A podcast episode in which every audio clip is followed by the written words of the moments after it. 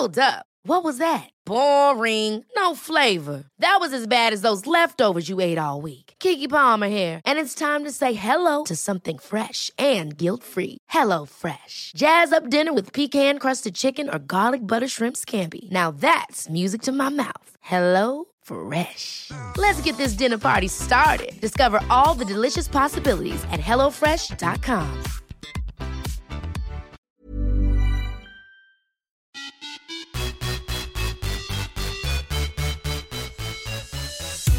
Hej och välkomna till podden Viss och Svärm on the run med mig Josefin Svärm och Sara Viss. Och förra veckan så firade vi 100 avsnitt. Inte 100 år. Nej. Eh, men eh, kul att vi har hållit på så här länge ju. Egentligen. Ja. Mm. Det har blivit Och- verkligen en del av ve- veckovardagen. Ja, det är verkligen så. Och idag så rullar vi vidare med ett nytt avsnitt och eh, jag vill bara börja med att fråga dig Sara hur din vecka har varit och hur träningen har gått. Ja, jag har eh, haft ett litet uppehåll kan man säga. Mhm. Ja, alltså jag, jag sa, jag, förra torsdagen, alltså dagen innan vi poddade förra gången, då hade jag haft ett jättebra pass. Jag tror, inte- jag tror inte att jag pratade så mycket om det, vi hade väl fullt upp med att prata om annat då tror jag. Men jag hade haft ett jättebra pass där jag sprang 80 meter. Ah. Eh, och det kändes som att bara gud nu, nu känns det som att det liksom bara går snabbare och snabbare hela tiden. Och sen vet jag inte, sen på, det kändes jättebra och sen på fredagen kändes det bra och när vi poddade, ingenting. Sen hade jag öfysen efteråt och jag vet inte om det var då att jag, då hade vi en station där man så här sprang du vet med gummiband i höften, Mm. eh, som man är 2-2. Mm. Och jag brukar inte vara med och träna själv utan jag går ju bara runt och coachar, men då var det ojämnt antal så då, så då var jag bromskloss åt en. Mm. Och då vet jag inte om det var att jag först hade sprungit lite snabbare än vad jag gjort på väldigt länge och sen dagen efter gjorde den här bromsande grejen för att efter lunch bara så började det smyga på ganska snabbt, alltså ont i knä. Och väldigt Nej. ont i knä. Ja, Vart i så den knät? bara började Alltså jag har aldrig ens haft det där utan alltså typ mitt ovanför knä, alltså mitt på Ja. knä fast Mm. strax ovanför knäskålen. Så att när jag sen skulle gå ner för trappa, då var det så här, nej men jag kan inte, jag kan inte ha tyngden på benet och böja. Och då blir man ju lite så här, nej nej nej nej, vad Ah, är det här? ja, oh, ja. Ja. Mm. Så att, eh, så då, sen tänkte jag att jag skulle prova att göra lite lätt styrketräning på fredag, men jag kände direkt bara när jag började värma upp på cykeln, jag bara, nej men, nej men det här går inte. Eh, så jag, jag bara, ja men jag vilar, jag tar det imorgon istället på, to- på lördagen. Men så var det inte bättre, utan det kändes likadant på hela lördagen, så det är jättestelt. Mm. Sen var det lite bättre på söndagen och då skulle vi egentligen ha sprungit tester. Alltså, vår, alltså det skulle vara, det kallas ett time trial. Eh, och då skulle vi springa 200 meter och 150 tror jag. Och jag var ganska ner- nervös liksom några dagar innan det här för jag tänkte att gud, jag har inte testat springa så på liksom länge. Jag har ju bara kört så här väldigt korta och eh, Mm. ja, men jag var ändå pepp på det. Men sen så kände jag då på, på lördag kväll redan, jag bara även om det är bättre imorgon så är det ju inte klokt att springa snabbt på det igen. Nej, Så nej. jag skrev redan på lördag kväll att jag, jag kommer till träningen men jag kommer inte att köra testerna så att jag inte kunde liksom en, ångra mig. Att jag bara, jag har lite känningar i Mm. knä men det, det är nog ingen fara liksom så. Sen äh, åkte jag dit på söndagen och då lämnade jag också med flit äh, spikskorna hemma så att jag inte skulle ens kunna vet Ja, bra. Ja, det där är sånt, det finns mig. risk annars. Ja. Ja. Eh, men, eh, men och då så körde jag bara lite styrketräning istället för att testa, testa på hur det kändes. Och då, då, det började kännas bättre på söndag. Och sen så gav min tränare en rejäl massage på, för vi kände då att eh, muskeln just på ner mot knä, men framförallt på utsida, eh, utsidan av låret, men som går ner, fäster ner mot knä, Ja. den var så spänd så att den, alltså han bara, det här måste, det måste ju typ ha varit en liten kramp. Han bara, han bara, har du inte känt av att jag har krampat eller någonting? Jag bara, nej. Han bara, är du säker att du inte kände något i torsdags på träningen? Typ att jag inte skulle ha sagt något. Jag bara, nej men alltså jag lovar. Alltså det kändes bara härligt. Jag kände ingenting. Så, att jag, så jag misstänker att det kom någonting, att det gick lite för, eh, lite, eller att det gick snabbt och kombo med att jag sen dagen efter ouppvärmd och kall bara bromsade Ja. eh, efter någon. Mm. Så jag tror att det blev liksom för mycket påfrestning på knä. Mm.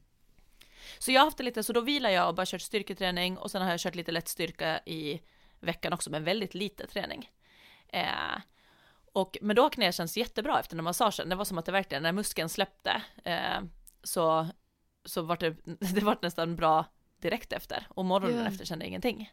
Men gud märkligt ändå. Ja, så men det var nog skönt, alltså det var skönt ändå att det var nog muskulärt och jag får ha lite koll på Ja. den muskeln. Men jag tror att det var, du vet kombon, jag har börjat springa lite eh, annorlunda sen jag fått justeringen och jobbat med min eh, teknik. Så, så att eh, jag tänker att krafterna hamnar lite någon annanstans. Eh, och att som sagt, jag börjar ju klocka också första och jag säger att men, det går ganska snabbt så nu försöker jag liksom att inte inte springa snabbare utan försöka hit, kunna hitta en jätteavslappnad eh, löpning i det här tempot. Mm. Eh, men så igår sprang jag igen och då sprang jag 60 meter och igen, alltså lika snabbt som senast kanske, ja, jag försökte att inte att det skulle gå snabbare, men nu känns det nästan som att jag du vet, då får aktivt så här eh, hålla tillbaka lite för att det inte ska Ah. dra iväg. I, så det är en jättehärlig känsla, för nu börjar det kännas som att jag känner mig som en sprinter nu verkligen. Det är bara som att jag springer bara och det går- börjar gå fort. Eh, så jag är glad att eh, det var inte var något värre med uh, knä. Nu tror, jag tror inte att det var någon fara, utan det var, bara, det var en överansträngning som jag, men jag måste vara liksom försiktig med, med upptrappningen såklart. Eh, Ja. så, att, så träningsveckan har varit väldigt, väldigt lugn. Eh, men jag är ändå väldigt glad för att jag, jag känner mig inte orolig. Nej jag förstår att du blev orolig först när du kände smärtan. Mm. Men vad skönt att det bara så här, åh, det var liksom ingen fara troligtvis. Att det, det kommer ju säkert inte komma tillbaka.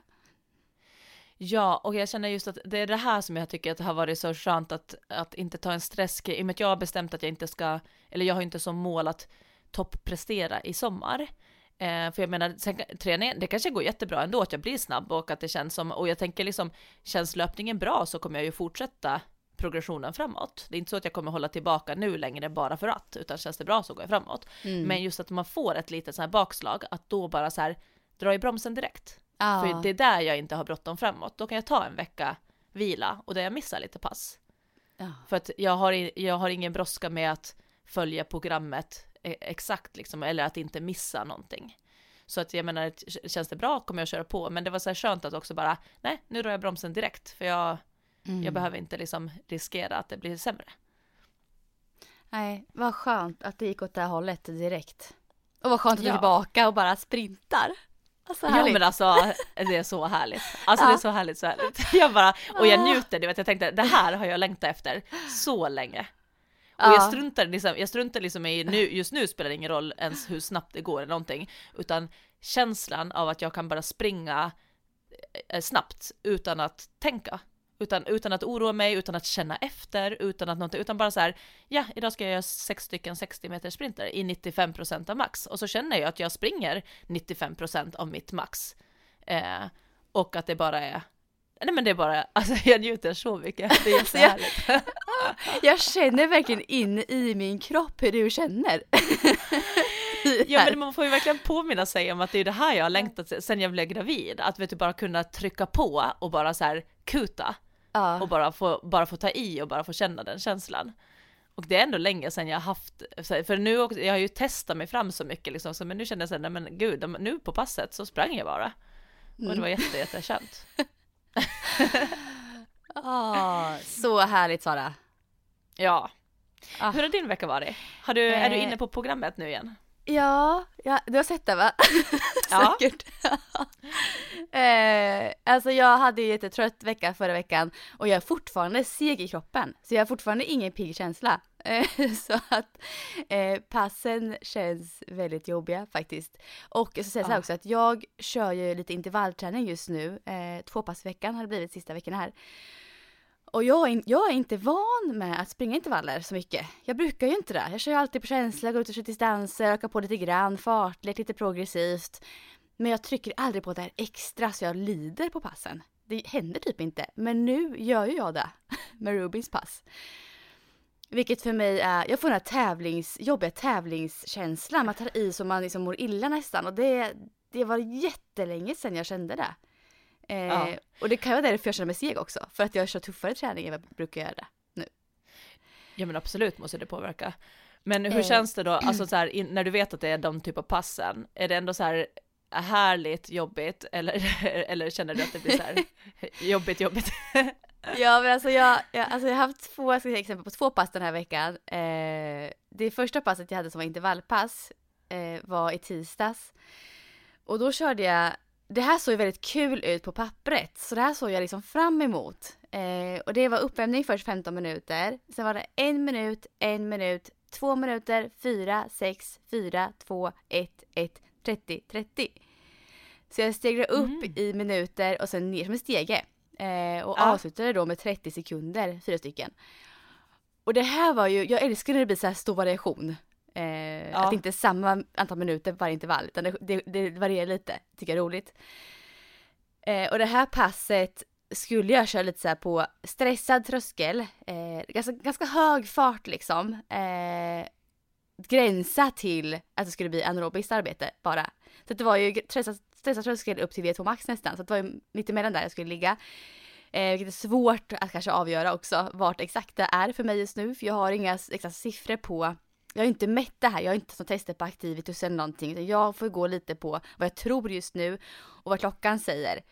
Ehm, så jag vet inte exakt om jag ligger på rätt liksom, pace i mina intervaller. Men jag kan ju gå på känsla och ser även vilka zoner efter att jag jag legat på.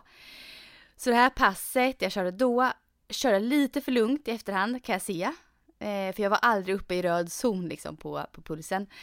Utan jag var precis strax under nästan hela passet. Eh, men så det här flöt på gans, ganska bra. Eh, det var jobbigt men det var ändå inte så att jag liksom tyckte att det var fruktansvärt. Eh, så det gick väl ändå okej. Men så körde jag ett pass igår som var fyra gånger åtta minuter. Äh, I hög hastighet alltså. Det är ju typ tävlingstempo för mig på kanske milen. Ja. Fyra åtta minuter. Det är ganska mycket på träning att köra med två minuters joggvila mellan. Men gud, För du måste klassiska- jättelångt på ett sånt pass. Ja, jag, jag sprang 12 kilometer totalt med uppvärmning och nedjogg. Så du förstår Med att det typ blir ganska 8 jobbigt. kilometer i tävlingsfart. Eh, nej, det blev, ja, nej, vad vart det tävlingsfart? Det blir ju... Eh, Jag tänker att du springer nästan två 32 kilometer. minuter. Ja, faktiskt. Ja, det är sant. Ja, för Gud, du ja. måste springa nästan två kilometer på åtta minuter. Om du ska Ja. hålla tävlingsfart på milen. Du, det är sant Och så Sara. fyra stycken Ja. sådana. Men jag körde lite långt, jag kanske låg på 4.15 ungefär i tempo. Ja, men ändå. I snitt på däromkring. intervallerna. Mm. Så ja, du har ju rätt. Jag låg för fasiken på 8, det var 8 kilometer. Tänkte inte jag på ens nu.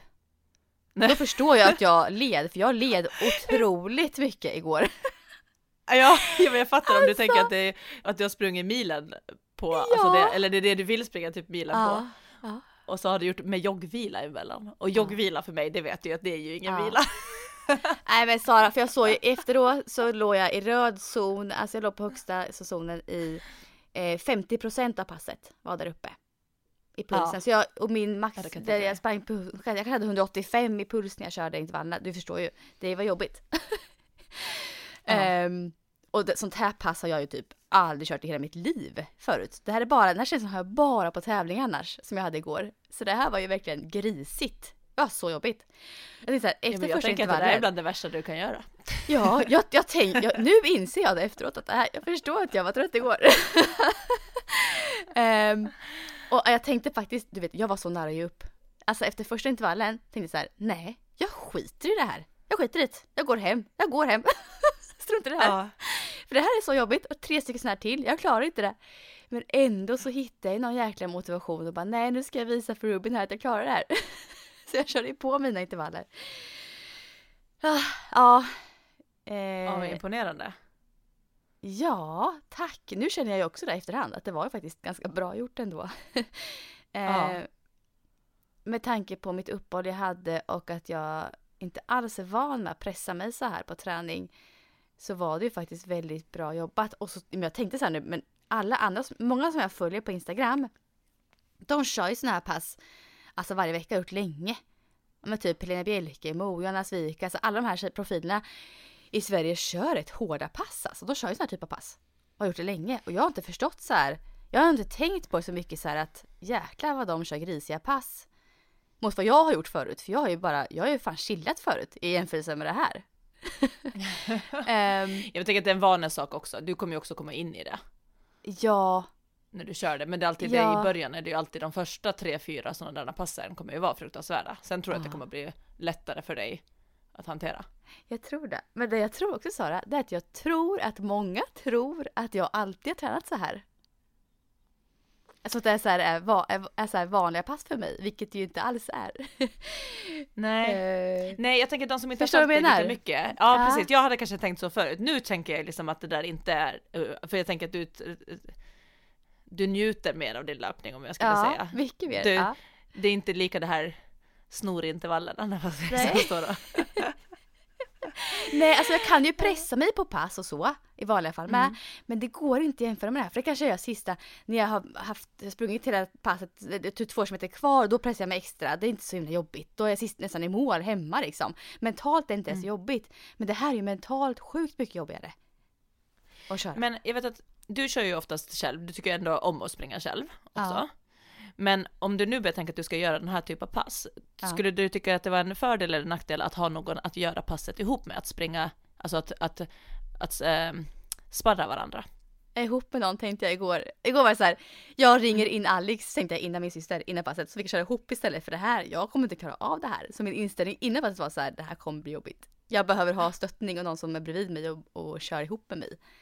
Eh, För jag tror verkligen att det kan jag. vara en fördel. När det blir Mm. den där typen av känsla på ett pass och att du vet, du vet ju redan innan att eh, det här kommer bli tufft. Och Mm. det kommer vara tufft att orka ligga kvar där du ska. Alltså det, är- det är inte bara att, Ah. att liksom själv bita ihop utan för att, för att orka genomföra det som det är tänkt att man ska göra.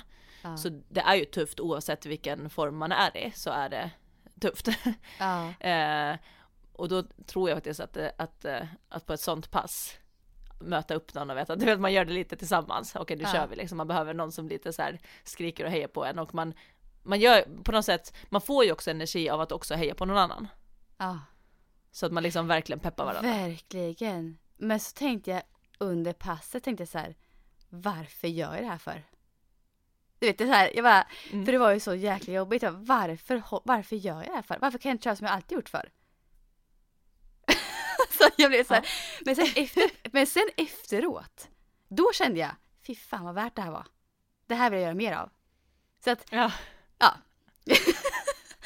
vi, vi, ja, jag kommer hålla i det här ett, ett ganska långt tag till här och se hur jag faktiskt eh, upplever den här träningen. Det blir ett experiment för mig nästan lite också. Jag tycker det är kul att testa lite. ehm, för att jag inte gjort det på Assa förut. Och se vart det kan leda. Kommer det att jag tycker det är ännu roligare att köra? Eller kommer jag känna att nej, jag måste backa och gå tillbaka till det här vanliga sköna igen? Kommer jag utvecklas? Kommer jag inte göra det blir för hård träning för mig? Alltså det här är ju ett test lite faktiskt. jag tror att det kommer Så bli att, bra eh, och som framförallt så tror jag som sagt att när du har gjort tre, fyra sådana här pass, det är som att nu, din kropp vet ju inte så här, men, men gud vad håller du på med? Alltså, nej men du blir chockad inte- alltså. Ja, och det är inte Ja. konstigt. Den går ju liksom lite i typ ett försvarsläge. Så här bara, Ja. app, app, app, alltså så. Ja. Men jag tror att när du har gjort det här tre, fyra gånger, eh, då tror jag att, det här, att de här typen av passen kommer vara mer hanterbara, både mentalt och fysiskt. Ja, Och, och sen så länge du ändå liksom tillåter dig att på de där långa passen gå ut och njuta av det så som du brukar göra, så tror jag att kontrasten kommer bli ganska härlig, bara att du känner att du kan ha den eh, mentala ingången också till vissa pass, att bara nu ska jag bara ut och njuta så som du alltid har gjort, även om det är ett Mm. pass på programmet. Mm. Sen är det ju kul att trycka på lite.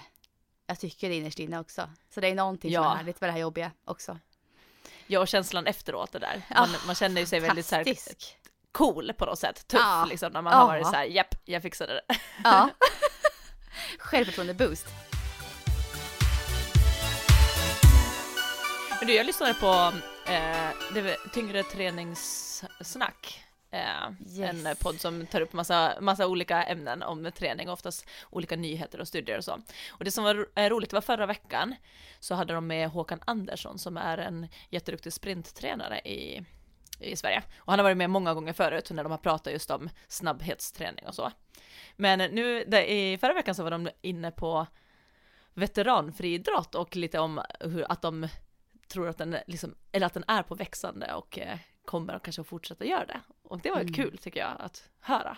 Du lyssnade också på avsnittet, eller Ja, för du sa ju till mig så här att "Fan, det här är intressant, gå in och lyssna på det här. Eh, de pratar om veteranfriidrott och de nämnde ju även din tränare va, i avsnittet. Var det inte så? Ja, Ja. exakt. De, de pratade om att det fin- finns eh, duktiga veteraner som fortfarande är liksom, eh, presterar på en, eh, på en seniornivå. Mm. Eh, för min tränare är ju nu i 45-årsklassen. Mm. Och han, eh, han är ju fortfarande åtminstone kring, men semifinalsnivå i Sverige, har en chans, chans på liksom. Men Eh, du så också väldigt, Sara, väldigt ja, de nämnde väl någon jättegammal gubbe där också? 87-åring eller något Mm. som körde. Alltså hur coolt är det? Men att han var så besviken för det fanns inget motstånd längre i hans Han åldersgrupp. var ens, ensam kvar i gruppen. Åh. Alltså jäkla coolt. Ja, men jag tror verkligen att det känns som att så här, veteranfriidrotten, att eh, de senaste åren, dels har vi att jag, eh, jag tränar med Jenny Åkervall som är jättestor inspiratör också inom veteranfriidrott och hon tillsammans med Mattias Sunderborn som är också en jättestor profil som Mm. friidrottare överlag men Mm. också veteranfriidrott såklart. De har jobbat ju mycket med, med eh, veteranträning och liksom satt fokus på att äldre att seniorer ska träna både liksom snabbhetsträning, alltså i form av tyngdlyftning eh, och eh, sprint. Ja. Eh, så att jag tror att de absolut har varit med och bidragit också till att fler har vågat komma och testa på, för de har ju haft gratis, det var ju de som haft den här 08 fri master, alltså som Mm. har varit gra- gratis träning i Stockholm, eh, som jag nämnde förra året. Eh, Mm. där man har fått prova på, är man över 35 så har man fått komma och prova på olika grenar och så, men framförallt så har det varit riktat mot kanske eh, 400 meters träning och så. Och jag tycker att det här är jätteroligt för att jag tycker man hör fler och fler som säger liksom så här, nej, men att de, eh, de springer typ motionslopp för att det är typ det som finns. Mm. Men att de upplever att de kanske skulle själva vara bättre på typ 800 meter eller lite kortare. Men det finns inte. Men då ska man veta att om man tänker och tänker så här att det finns ju, det är inte så stort ännu, så det kanske är lite läskigt att söka sig till det, för det känns, då känns det mer som att man måste vara jättebra för att söka sig till det, men så är det ju inte. Eh, så att man kanske vågar kontakta en klubb eller så. Ja, men där, så där tänker nog jag själv. För på Mm. nå- någonstans så vet ju du också säkert, det lockar ju mig lite med friidrotten fortfarande. Alltså det här trycka på lite snabbare, kanske 800 meter, den typen av distanser. Lockar ju mig lite. Men så tänker jag så här, nej, men jag skulle inte alls vara bra. Jag kan ju inte börja med det nu. Så jag Nej, tänker men med så.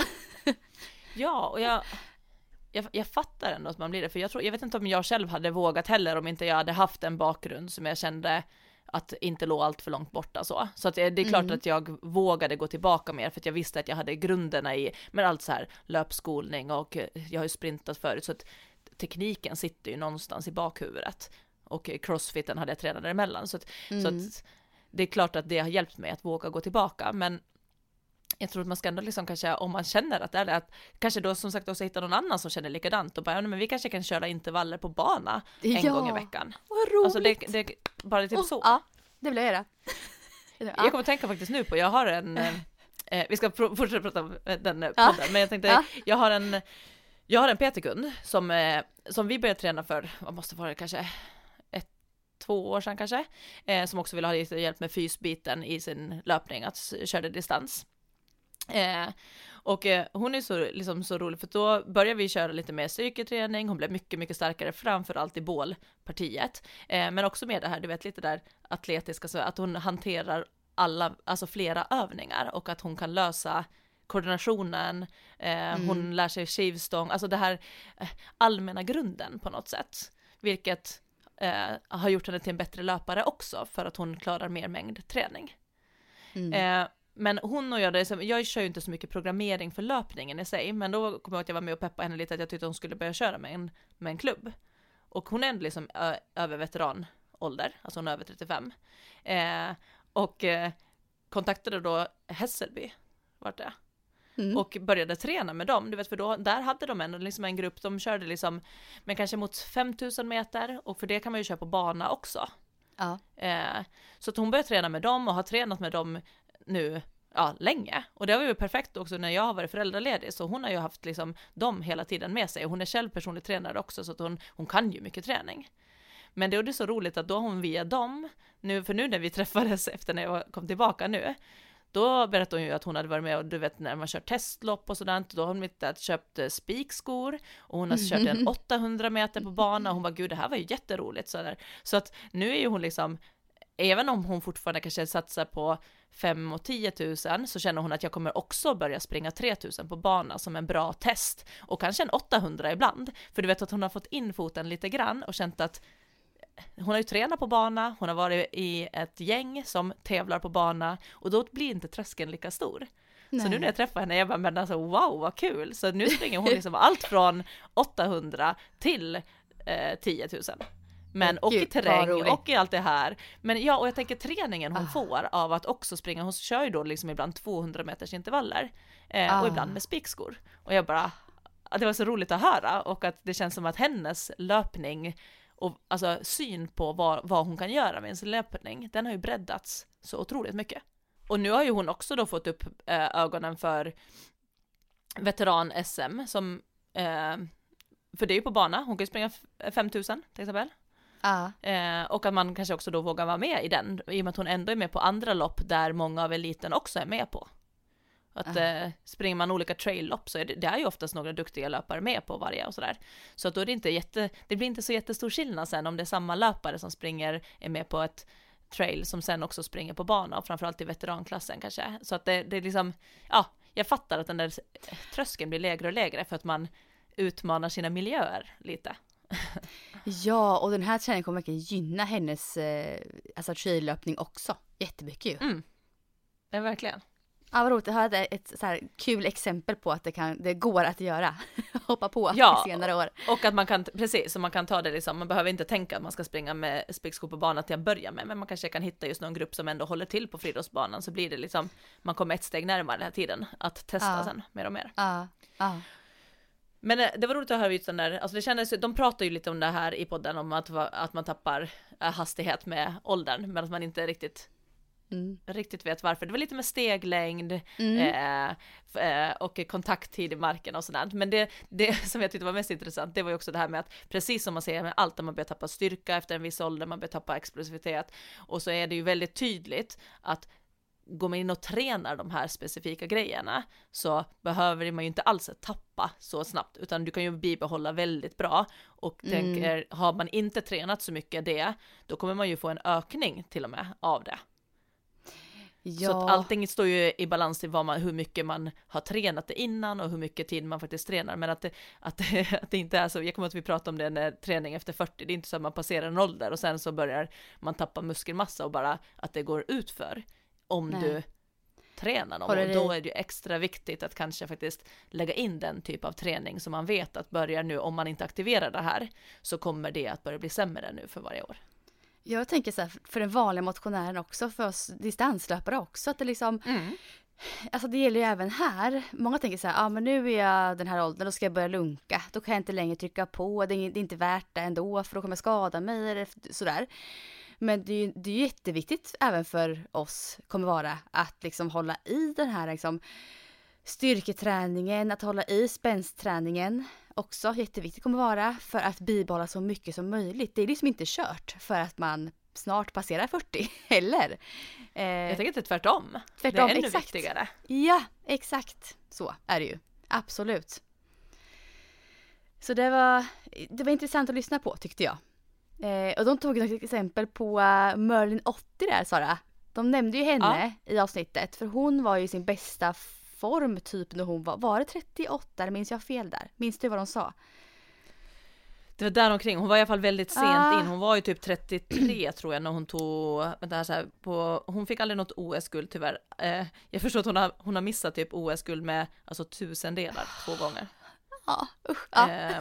Eh, men hon har tagit guld 93, då var hon alltså 33. Då tog hon sitt första individuella Ja, första. Guld. Ja, mm. Och sen tog hon även guld i, i, i Göteborg 95, alltså när hon var 35 då. Ja. Ja men det här är ju eh, bara och sen har hon ju fortsatt tävla liksom ändå även i, hon har jätte jättebra veteran eh, resultat också. Alltså, där är mm. hon ju veteran, men hon har även i 40 och 45 årsklass har jag för mig att hon har sprungit riktigt bra tider. Mm. Nej men det här är bara så ett exempel på att det verkligen så går att eh, prestera eh, senare och jag menar 35 idag, 40, det är inte så mycket, det är inte en ålder egentligen. Och det är vad man gör det till. Ja, för det var det som var intressant tyckte jag också. När de pratade, jag tror att det var där jag hörde att de pratade om det här med att, eh, att man har sett att sprinters har sig som sin topp typ mellan 20 och 26 eller något sådant. Medan man har sagt att långdistansare kan hålla på längre. Men att då Ja. var ju frågan också så här, är det på grund av det fysiska Mm. eller är det på grund av till exempel eh, ekonomi? Att eh, Mm. sprinten kanske kräver, det kanske är en annan typ av satsning som man gör. Och att många gör det un, under de här universitetsår, de- framförallt i. USA, du vet när det är stora universitetstävlingar och man gör liksom den typ av eh, karriär. Men att sen då när man är klar med den, eh, vad säger man, livs... Stilen, Den- ja men den tiden, innan man ja. behöver, ja, ja. Innan sen när du byter liksom, och så tänker jag att det är eh, att många slutar med sin idrott här efter gymnasiet.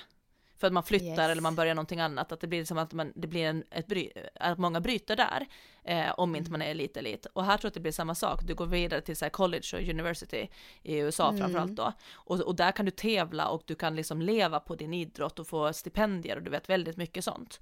Medan så att sen efter, efter den tiden så blir det mycket svårare att satsa på sin idrott ekonomiskt. Mm. Och, att då, och det tyckte jag var ganska en intressant tanke, liksom. och så tänker jag att det är typ med tjejer också, i och med att det är hela den här frågan, eh, eller som har varit mycket, liksom att man nästan tar för givet att tjejer ska sluta för att eh, skaffa barn, eller alltså bli gravida någonting. Eh, och att det är liksom, man, man kan inte liksom, det blir så dumt om ens idrottande ska styras efter yttre saker, utan det ska ju alltid ligga i ens egen, ett, e, ens egna val. Eh, och så det varit lite intressant för då, jag, jag tror faktiskt att det där hänger ihop när man har sett statistik på var man är som bäst så tror jag faktiskt att det hänger mer ihop med yttre eh, ehm, orsaker. Ja, men än det tror jag fysiskt. med. Jag tänker på hon eh, Malin Malmbrandt också, till exempel. Hon Ja. är ju i min ålder, 36, och hon är som sitt livs form i längdhopp just nu. En väldigt så här påfrestande gren för kroppen. Eh, väldigt mycket sprintigt och så i hennes träning och, och hoppen som kräver sitt. Hon är sin bästa form 36 år. Det är också supercoolt. Jag tror också att det hänger ihop mycket med andra faktorer i livet och inte bara att kroppen liksom säger att nej du är för gammal. Utan det är annat som påverkar kanske ännu mera än åldrandet egentligen. Ja, ja men precis. Och eh, därför blir det också så viktigt just att man inte, att man inte lever, för det känns som att det har varit mycket förut, att man slutar, jag menar, det känns som att idrotter kan få höra att de börjar vara gamla när de är, Mm. alltså börjar närma sig 30. Ja. Och det påverkar också om de bör- börjar få höra ofta så här, ska du, Ja. ska du, är börjar du vara klar snart eller ska du lägga Mm. skorna på hyllan? Alltså det är ju det, eh, jag blir så irriterad när jag tänker på det liksom i Mm. efterhand, för jag har också fått höra sånt, när jag typ var 19 kunde jag få höra så här liksom. Att, ja. sjukt alltså. Ja. Och att ja, nej, jag känner att det där blir en sån här grej som, som blir också viktig för mig, för yngre idrottare typ hemma. Mm. Att för jag hade nog vill behöv, eller hade jag haft någon som var över 30 och presterar bättre än någonsin, så hade jag själv kanske också insett att du vet så här att jag behöver inte vara som bäst nu, eller jag kan ha en dålig säsong, jag kan ha två, två dåliga säsonger. Det Ja. betyder inte att min topp har varit. Och inte få stress över det. Utan Nej, bara... för det kändes, jag trodde nog själv här, nej men jag blir inte bättre än så här, nu börjar jag gå neråt. Så nu, min, min, min bästa topp, den, den har passerats. Och men, jag bara, men det är ju helt fel tänk i den åldern. Alltså det är så här, jag känner mig träffad också, för jag, jag tänker lite så själv om mig själv också. Nu kör inte jag sprint så det är inte samma Nej påfrestning. men det spelar ingen roll vilken vad man Nej. håller på med. Med långdistans är ändå känt för att man kan hålla på länge också om man jämför med sprinten. Alltså så. Eh, Mm. Men jag känner fortfarande så här att jag kommer aldrig persa på milen igen. Fast det, det vore kul men det kommer, nog, det kommer nog inte ske. Alltså så tänker jag i mitt huvud fortfarande. Ja. Vilket är dumt ju. Ja, men jag kommer ihåg Sandra Eriksson, jag tror som en, eh, en finlandssvensk löpare som eh, bor eller har bott i alla fall i Stockholm. Eh, hon la ut för ett tag sedan just det där, för hon är ju över 30 eh, och elitsatsande. Hon tog nu finskt rekord på 5000 meter landsväg. Eh, eh, här för bara för någon vecka sedan. Och hon skrev ett inlägg också om det där, att, att hon att hon är så trött på att få frågan om hon inte ska lägga ner snart eller om hon, eh, hur hon tänker med familj, alltså att hon får de frågorna hela tiden och det tror hon inte att typ heller kanske en manlig idrottare skulle få och att det är som att man har ett bäst före datum på sig och det påverkar såklart också sponsorer även om man inte säger det rakt ut. Ja.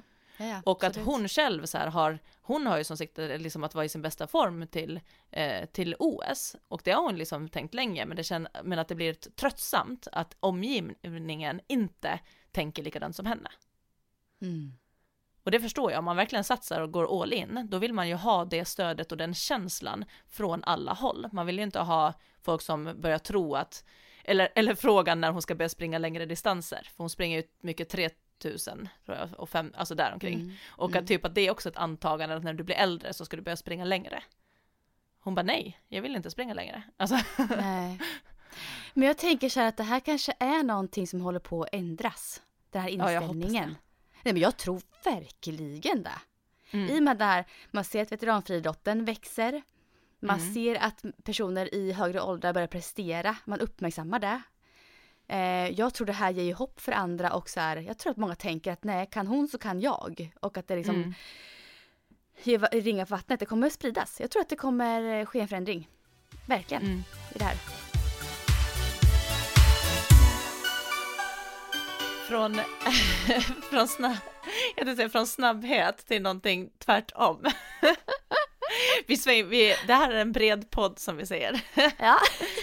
Nej, men jag snappade upp, eh, jag lyssnade i, i veckan på eh, mo, motionsklubben heter? Klubben, Motions, ja. ja. motionsklubben, alltså med systrarna Kallur. Och eh, där pratade de om, eller hela, hela avsnittet hette till och med Björnlufsen. Eh, och jag tycker att det var ett så härligt begrepp så jag måste direkt liksom eh, skriva ner lite. Sen gjorde de ett Instagram-inlägg också ifall man inte har lyssnat på podden så kan man gå in på motionsklubben och kolla för då gjorde de en, ett inlägg om det här björnlufsen när de Ja. filmar. Och det är alltså Sanna Kallur eh, som hon har ju efter sin elitkarriär eh, haft, eh, ja, bekymmer med smalben och hon hade ju det redan under karriären. Hon har ju skruvar och grejer i sitt eh, smalben så att, eh, men tyvärr, jag blev nästan lite ledsen att höra det, att, att Björn Lufsen har kommit för att hon inte har kunnat springa utan smärta fortfarande. Eh, så det är ju verkligen en sån där grej som hon har fått betala med sin karriär liksom. Mm. Men då var det så här, hon var så avundsjuk på, på hennes syster och man och så här, som ändå du vet kan ta den här lätta, liksom ut och springa och kommer hem och så här rosig om kinden och man ser att de har tagit ut sig och varit ute. Eh, så då började hon då björnlufsa, vilket innebär liksom att hon joggar jätte, jättelångsamt och mjukt och liksom utanifrån skjut och bara för att få den känslan att kunna komma ut i skogen, i terrängen eller bara på en grusväg i, sk- i skogen. Och det är det här då de kallar eh, björnlufs. Och eh, det de jämförde med i i podden, det var liksom att de pratade i tempot i en björnlufs, den, den går ju inte snabbare än en powerwalk. Men powerwalk och björnlufs, det är totala motsatserna. För powerwalk, den är du vet så här hetsig, snabb, ganska raka Ja. armar och ben och man går i så här högt tempo, det ska vara liksom så här Ja. pam, pam, pam. Medan björnlufsen går lika snabbt, men där är det tvärtom. Alltså det, är som, det ska vara mjuka leder, det ska vara eh, långsamt, det ska vara lugn andning och det blir som en helt annan upplevelse. Och det var den som jag tyckte att var så här, att jag har aldrig jämfört de två, men det är ju typ samma motionsform och jag skulle säga att det är typ samma målgrupp Mm. som skulle kunna gå en Mm. powerwalk eller ta en björnlufs. Ja. Eh, fast det är helt olika typ mindsets i dem, för jag Ah. känner att det är de som är ute och går på en powerwalk, då är det verkligen så här viktigt att hålla tempot uppe. Mm. Medan Mm. björnlufsen är ju liksom det sist, det minst väsentliga är ju hus, att det ska gå snabbt. Ja, jag tyckte det var så himla härligt för jag såg ju Instagram-inlägget så jag visste precis vad du menar när du tog upp det här förut med mig.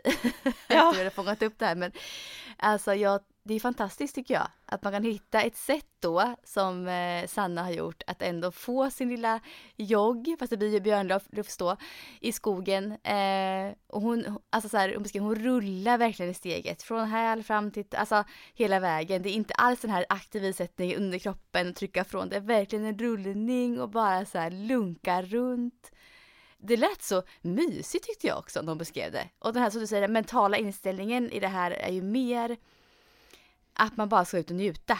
Och få den här Ja. känslan av att man springer lite grann istället för den här hetsen att nu jäklar så, nu ska jag motionsgå, nu ska jag gå ner i vikt, nu ska jag göra det här. Det är så här. Utan det handlar Ja. bara om att alltså, njuta av att vara där i det. Vilket jag tyckte var jättehärligt. så charmigt liksom. Ja, hon sa också typ det här med att, så att, att, att eh, björnen, den, den stressar liksom inte. Utan Nej. den här björnen, den följer också terrängen.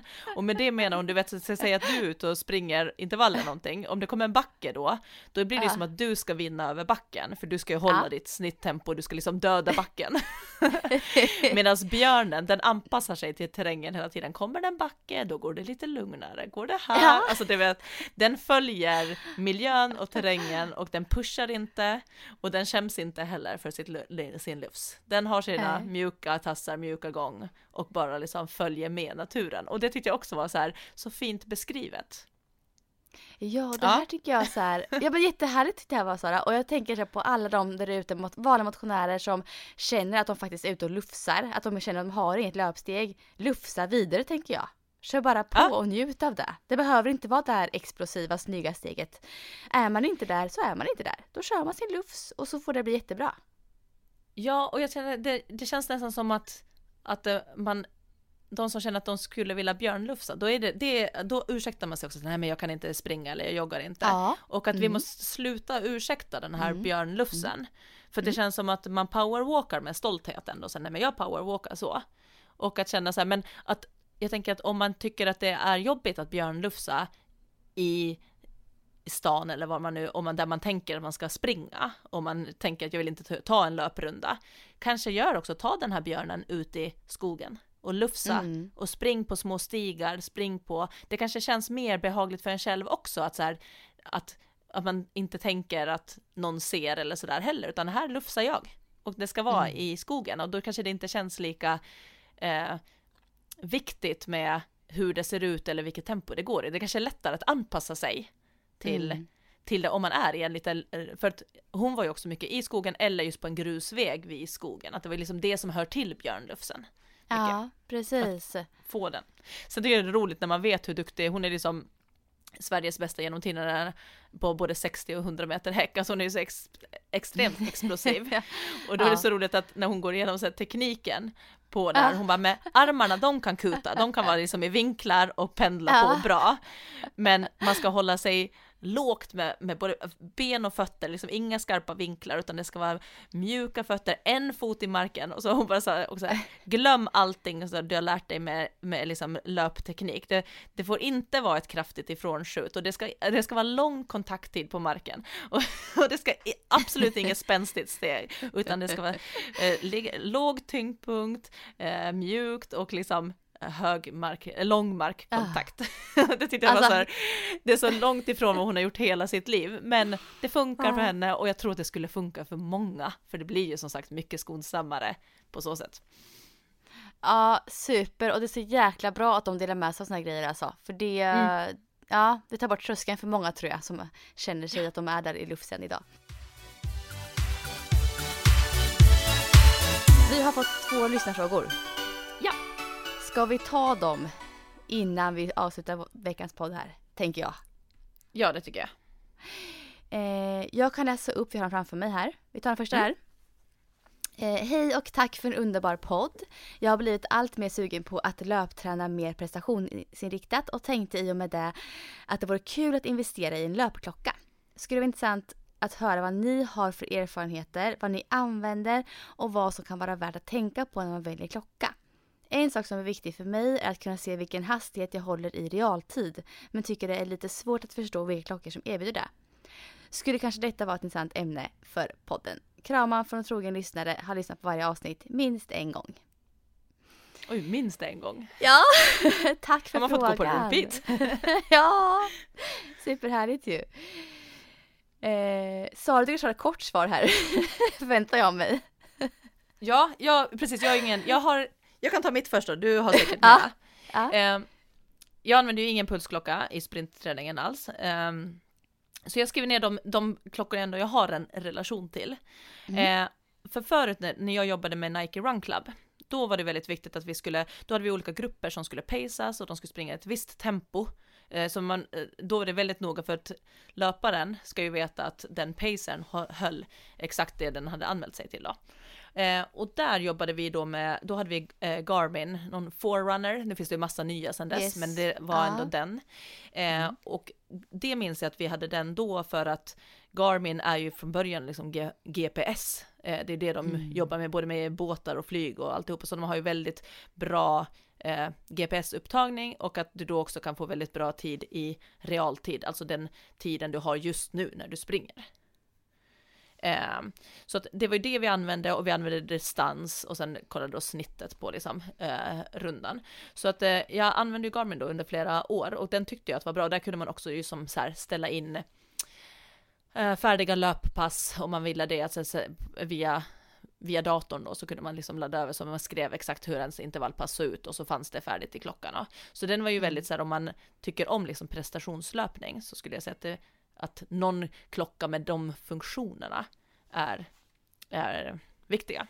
Mm. Jag tycker det var väldigt roligt när vi sprang de här Nike Run Club och då hade vi liksom olika då fart fartgrupper. Alltså Josefin, jag tänker tillbaka, du vet, så här, vi sprang ju oftast då, man fick kunna välja 5, 8 eller 10 kilometer.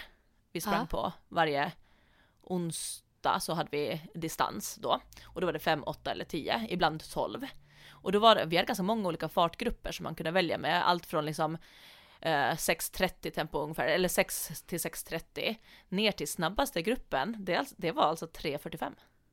Oj! Ah, Och så shit. vi hade ju väldigt duktiga löpare som paceade de snabba grupperna. Ja. Många av dem har ju, alltså har, några har ju liksom gjort liksom landslagsuppdrag och så.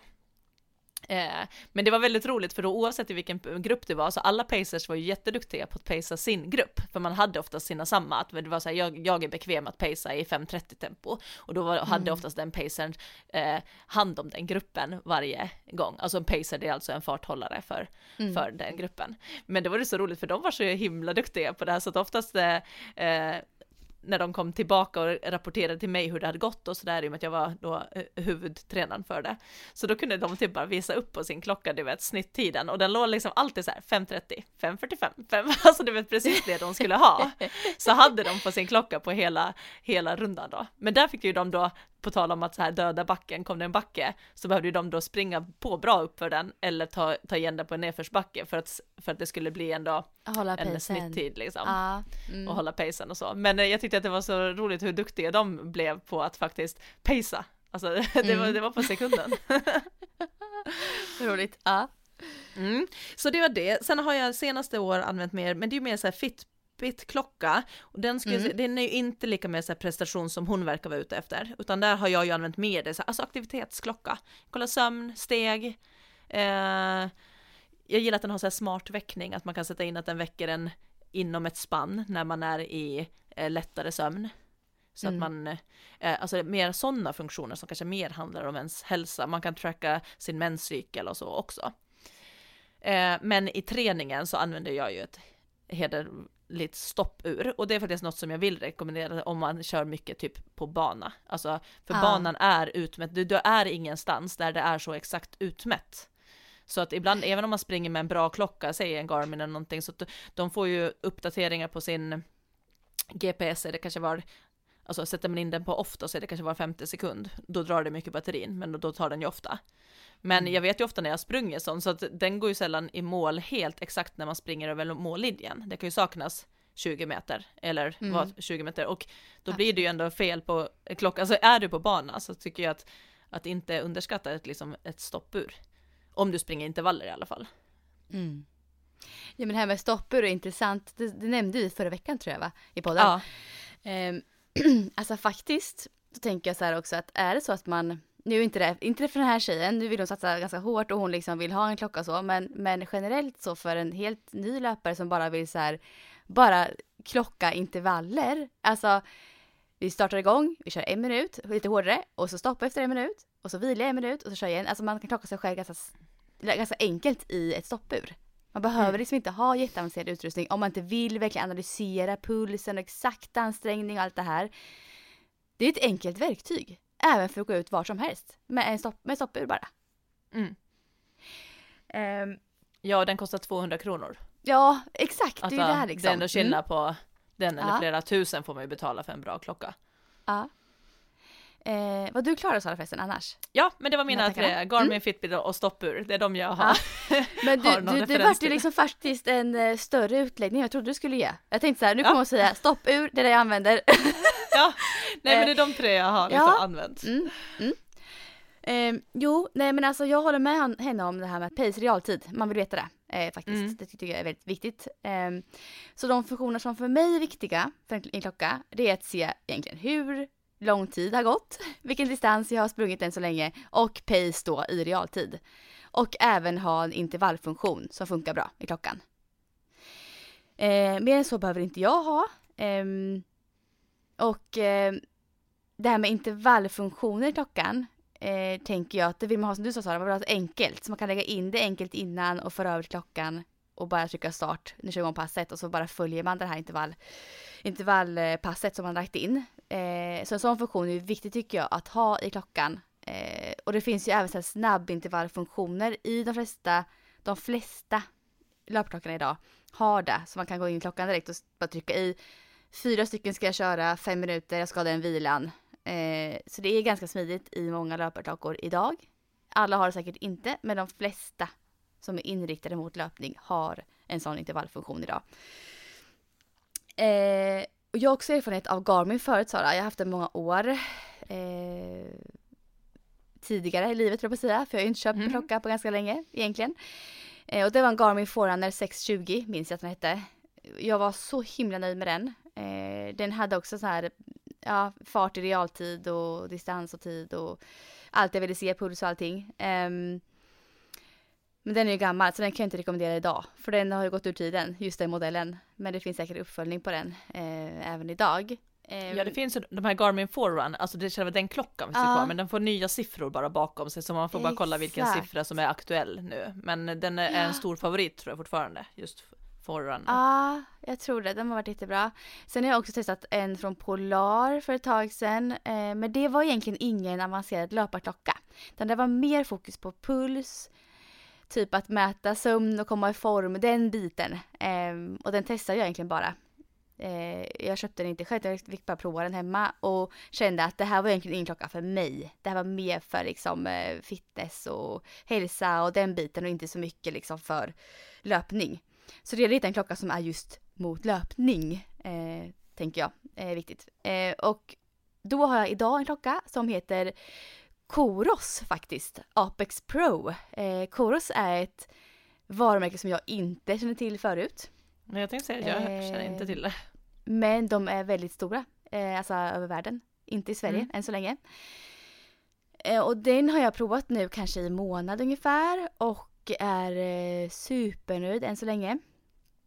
Eh, och den ser jag fart i realtid, vilket jag också som sagt verkligen vill ha. När jag kör intervaller så vill jag veta, jag vill kunna se okej vilken pace ligger jag i nu. Så jag vet att det, Mm. är, det är rimligt att jag ska ligga där. Som igår när jag sprang de här intervallerna, 8 minuters intervallerna. Då hade jag koll på att jag låg mellan 4 och 10, 4 och 20 hela tiden i pace när jag kollade liksom. Jag ser att det gick över runder för mycket åt något håll.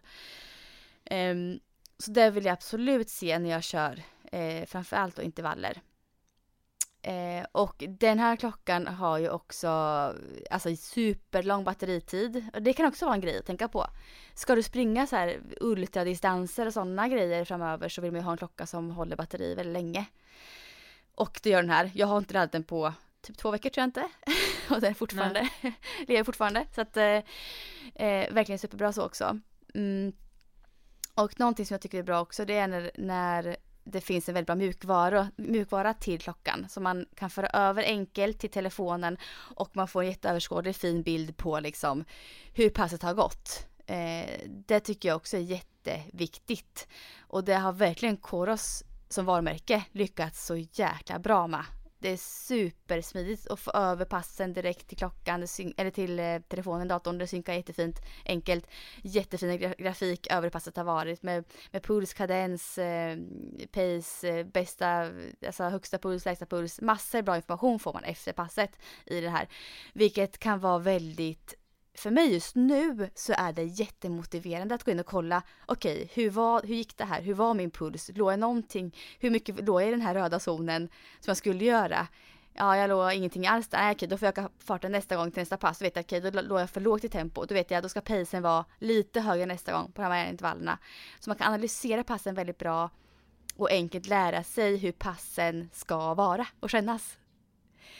Ehm, så, jag- och hur de har gått också, hur passen har gått såklart. Så att ehm, just att ha den här mjukvaran som är bra överskådlig tycker jag också är eh, en stor, stor fördel och motivationsfaktor. Om man vill satsa nu lite mer som den här tjejen verkar vilja göra.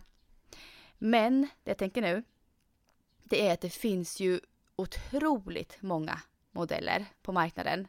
Och jag skulle, om jag var den här tjejen, skulle jag gå in till en specialistbutik och fråga, säga vad hon exakt vill ha i klockan. Vad är viktigt för henne? Vilka funktioner vill hon ha? Punkta upp det innan så hon får experthjälp direkt. Okej, då passar den, den eller den modellen dig. Mm. För det är det enklaste, för det finns ju hur mycket som helst. Sen kan man läsa på på internet, men jag tycker att jag, jag blir inte klokast när jag börjar gå in och kollar. För att det finns så himla många olika. Ja men eh, precis, man, modeller. blir, man vill ju nästan inte ha för många valmöjligheter. Nej, det blir nästan när nej. man börjar. Så jag Ja, brukar också göra så, faktiskt. antingen som du säger prata med någon eller eh, om man har någon duktig löpkompis som kanske har, använt mycket Har klockor. gå någon. på, ja, gå på Mm. liksom en, eh, någon som rekommenderar någonting. Men då behöver den också att såklart att den förstår också vad du är ute efter och vad för typ av Mm. pass vill du springa och vad, vad vill du få för data på det och liksom sådär. Mm. Men just som sagt, Garmin har jag varit idag- supernöjd med. De Ja, och jag tror att de flesta idag klarar de här basic för en, liksom, en som vill börja träna prestationsinriktat. Ja, jag tänker det med. Så att, eh, ja, hör dig för. Och det här kanske hjälpte dig lite grann också, hoppas jag, vårat svar. Men annars hör dig för runt eh, vad andra har för modeller och om de är nöjda med den. Men jag kan, alltså Coros Apex Pro kan jag rekommendera. Den kör jag själv med just nu och är Mm. jättenöjd. Så den kan jag säga rakt ut att den är bra. Eh, absolut.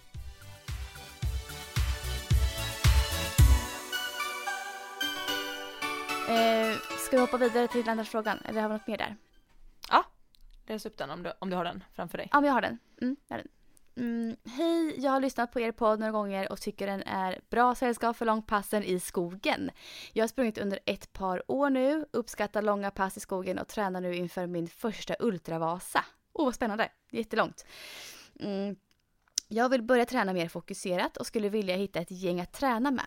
Har ni tips på hur man bäst hittar löpargrupper där man också får coachning? Jag bor söder om Stockholm. Ja men jag tänker på de jag, de jag vet så på rak arm, det är dels löpskolan som var med, de har ju lite mer, mer fokus på eh, löpteknik och löpfys kanske, och så, så här. Eh, det låter som att hon kanske vill ha en grupp att springa också långt med. Ja. Eh, för det, Run Mm. Academy, Mm. vet, eh, där är det också, man måste ju haka på, det, det är väl löpprogram om jag har förstått rätt, man anmäler sig till en omgång. Ja, Eh. man an- ja, precis. Det är en sån här månadsavgift eller på dem. Eller bara på online-grejen kanske. Jag är osäker. De har olika kanske eh, tjänster där. Ja. Eh, för sen vet jag inte vad det finns, inne i Stockholm city har det ju funnits mycket, men typ som Nike Run Club som jag jobbade med och sånt Ja. där man bara kunde droppa in och vara med. Eh, Mm. Det vet jag inte hur det ser ut alls söder om Stockholm, men jag tror att en grej som skulle vara alltså bra om man ändå vill ha en grupp att springa med ofta, det är att alltså, typ använda Facebook till, för jag vet att det finns till exempel Maratontjejer, eh, en grupp som är ganska aktiv där folk skriver och frågar både, alltså, om allt möjligt inom löpning. Så där tror jag att jag vågar Ja. slänga ut en fråga, jag bor söder om Stockholm, är någon som vill springa långpass med en? Och börjar man Ja. bli en liten grupp, då kanske också någon av dem vet någon som kanske vill coacha eller vill hjälpa, alltså som har några kontakter. Så att ibland Mm. tror jag att istället för att hitta den perfekta gruppen för att haka på, eller det man är ute efter, att börja bara skapa en kanske själv. Att få höra runt och Ja, börja springa och så kanske den blir större och så kanske man kan få dit någon som kommer och hjälper eller ja. Men jag vet inte sådär på rak arm, men om det är någon som, eh, som hör på podden som känner till någonting söder om Mm. Stockholm som vet så får ni jättegärna skriva in så kan ju vi berätta det i podden eller skicka Mm. det vidare. Ja, precis. För det finns ju, man vet ju, man har ju hört många klubbar, men Saucony Run Club finns ju just nu online tror jag bara. Eh, hade ju förut coachning också på plats i Stockholm på flera ställen, men har ju varit så här, eh, haft ett avbrott nu i coronatider. Och även TSM Running finns i Stockholm, Mm. de är jättestora. De brukar ha hur många som helst på passen. Eh, fokus kanske inte är just eh, alltså mot ultra däremot på de här eh, olika eh, föreningarna. TSM är ju men- Team Stockholm Marathon, så de, de Ja. kör ju också programmet till Stockholm Marathon, som är Ah, huvudmålet tror jag. Men ska man springa ultra, det är väl bara jättebra att kunna vara med i en sån grupp, få, få, få Ah. lite coaching, vara med och sen kan man ju springa eh, mer distans innan eller efter den träningen om man Ah. behöver lägga på. Ja, just TSM Running känns ju som att det skulle passa henne ganska bra. Alltså konceptet är emot maraton, vilket är en lång distans. Mm. De kör ju sagt inte nu på plats heller tror jag inte. De kör också mycket, eh, eller bara kanske online nu också i och med de här tiderna.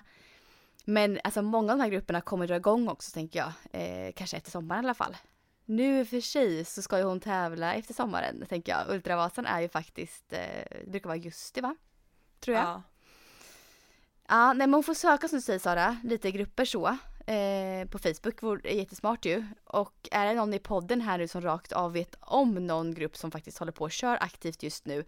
Där hon kan få hjälp eh, och stöttning. Så uh, hojta till så kan vi förmedla det vidare till henne, tänker jag. Eller om ni vill vara med och springa så kanske ni är en liten grupp. Ja, ja precis! kanske är några som också vill haka på. Få skapa en grupp, ja. Inte alls Ja fel. men där tror jag också just att just om man har ett sånt, hon har ju ett specifikt mål, att man inte tänker för mycket att jag måste ha en grupp som matchar den, för då blir det nog svårt att hitta en grupp. grupp. Men säg att man ska hitta en grupp som vill springa, springa på söndag förmiddagar, så har man typ en, kanske en slinga på en 10 kilometer, så väljer man om man springer ett varv tillsammans, två eller tre, alltså att man kan droppa av och komma, alltså hoppa på, men att man startar Mm. samtidigt. Något sånt till exempel, för då blir det lite Mm. lättare för fler att vara med, eller jag kan haka, med, haka på på tredje varvet för jag kommer sent. Mm. Alltså så att man liksom själv försöker göra gör lite och så man kanske kan, alla kanske kan lite om löpning också så att man kanske växeldrar också lite så här, men jag håller i lite löpteknik idag eller eh, Mm. löpskolning eller eh, alltså något sånt också så att det blir i alla fall det, alltså lite coaching i form av att det inte bara är en själv som tänker utan det är någon som säger idag vill jag att vi tänker på armföringen till exempel. Mm. Ja men absolut. Våga höra dig för helt enkelt. Mm. och se till om ni vill hänga på något sånt här. Ni som lyssnar. Eh, nej men det var svårt att svara på den här frågan. Eh, vi gav väl inte något jättetydligt svar kanske till henne men hoppas att du hittar någonstans där du kan faktiskt hänga på och få lite hjälp. Mm. Jag tänkte veckans bästa också innan vi avslutar. Ja. Nu kommer jag ihåg den. Ja, jag vet vi glömde den förra veckan men det fick vara så. Ja, nej men du. Ska du börja där? Har du någon veckans Eh? Ja, nej, men jag hör att knät kändes bra och att igår på, igår på träningen så sprang jag som sagt 60 meter och de gick snabbt. Jag fick, det var så här, det är härlig känsla att känna så här, oj, nu, nu får det inte gå snabbare. Nu ska jag stanna, nu ska jag försöka eh, pricka tiden. Eh, På tal om stoppur så försöker jag nu pricka så att jag försöker springa dem lika snabbt Ja. och då hitta en avslappning och en teknik som blir jämn då så att det inte blir att det skiljer för att om det skiljer några tiondelar hit och dit, det är mycket på 60 meter. Det låter inte mycket, men jag vill försöka klaffa i alla fall inom en tiondel försöker jag göra. Mm. Mm. Eh, så, nej, men, så det är absolut veckans bästa, att jag liksom, att, att jag springer och eh, det går fort och att knä är, var, är bra. Att det är bra. Ah, Mm. ah Ja. härligt. Vad har du? Jo, alltså. Mitt veckans bästa är egentligen både veckans värsta och bästa på ett sätt. För det är det här passet jag körde igår. 4 gånger 8 minuter. Som var sådär sjukt jobbigt att jag höll på att ge upp. Men ändå så körde jag vidare hela passet. Och det är så här, veckans bästa. Mentalt. Att jag mentalt var, var stark där. Och höll emot den här tanken att jag skulle stanna. Nej, nu jäklar jag kör vidare. Jag ska visa att det här går. Typ så. Jag kände att jag bara så här, ja, var mentalt stark. Så det får bli veckans bästa för mig. Grymt. Mm. Härligt. Du, innan vi avslutar Ja. får jag checka en Ah. podd, en hälsning. du vet, nu när det är corona och man inte får Ah. träffas och krama om sina nära och kära, så skulle jag bara, för den här helgen skulle ha varit eh, jättekalashelg. Eh, om det var som normalt. För att Mm. just idag när vi spelar in det så fyller min lilla syster Hanna 30 år.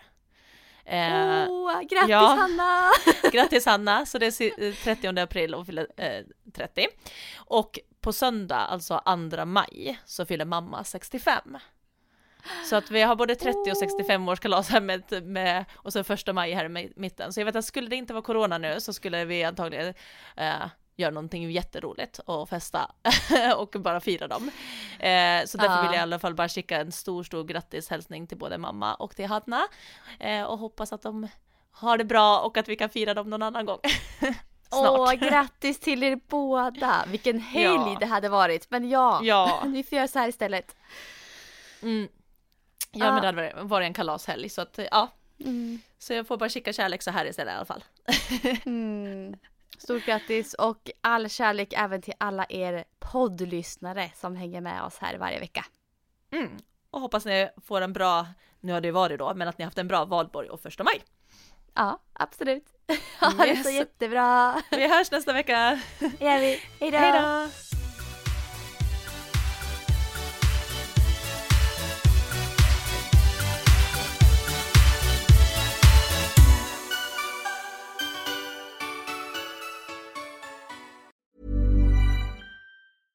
Ever catch yourself eating the same flavorless dinner three days in a row?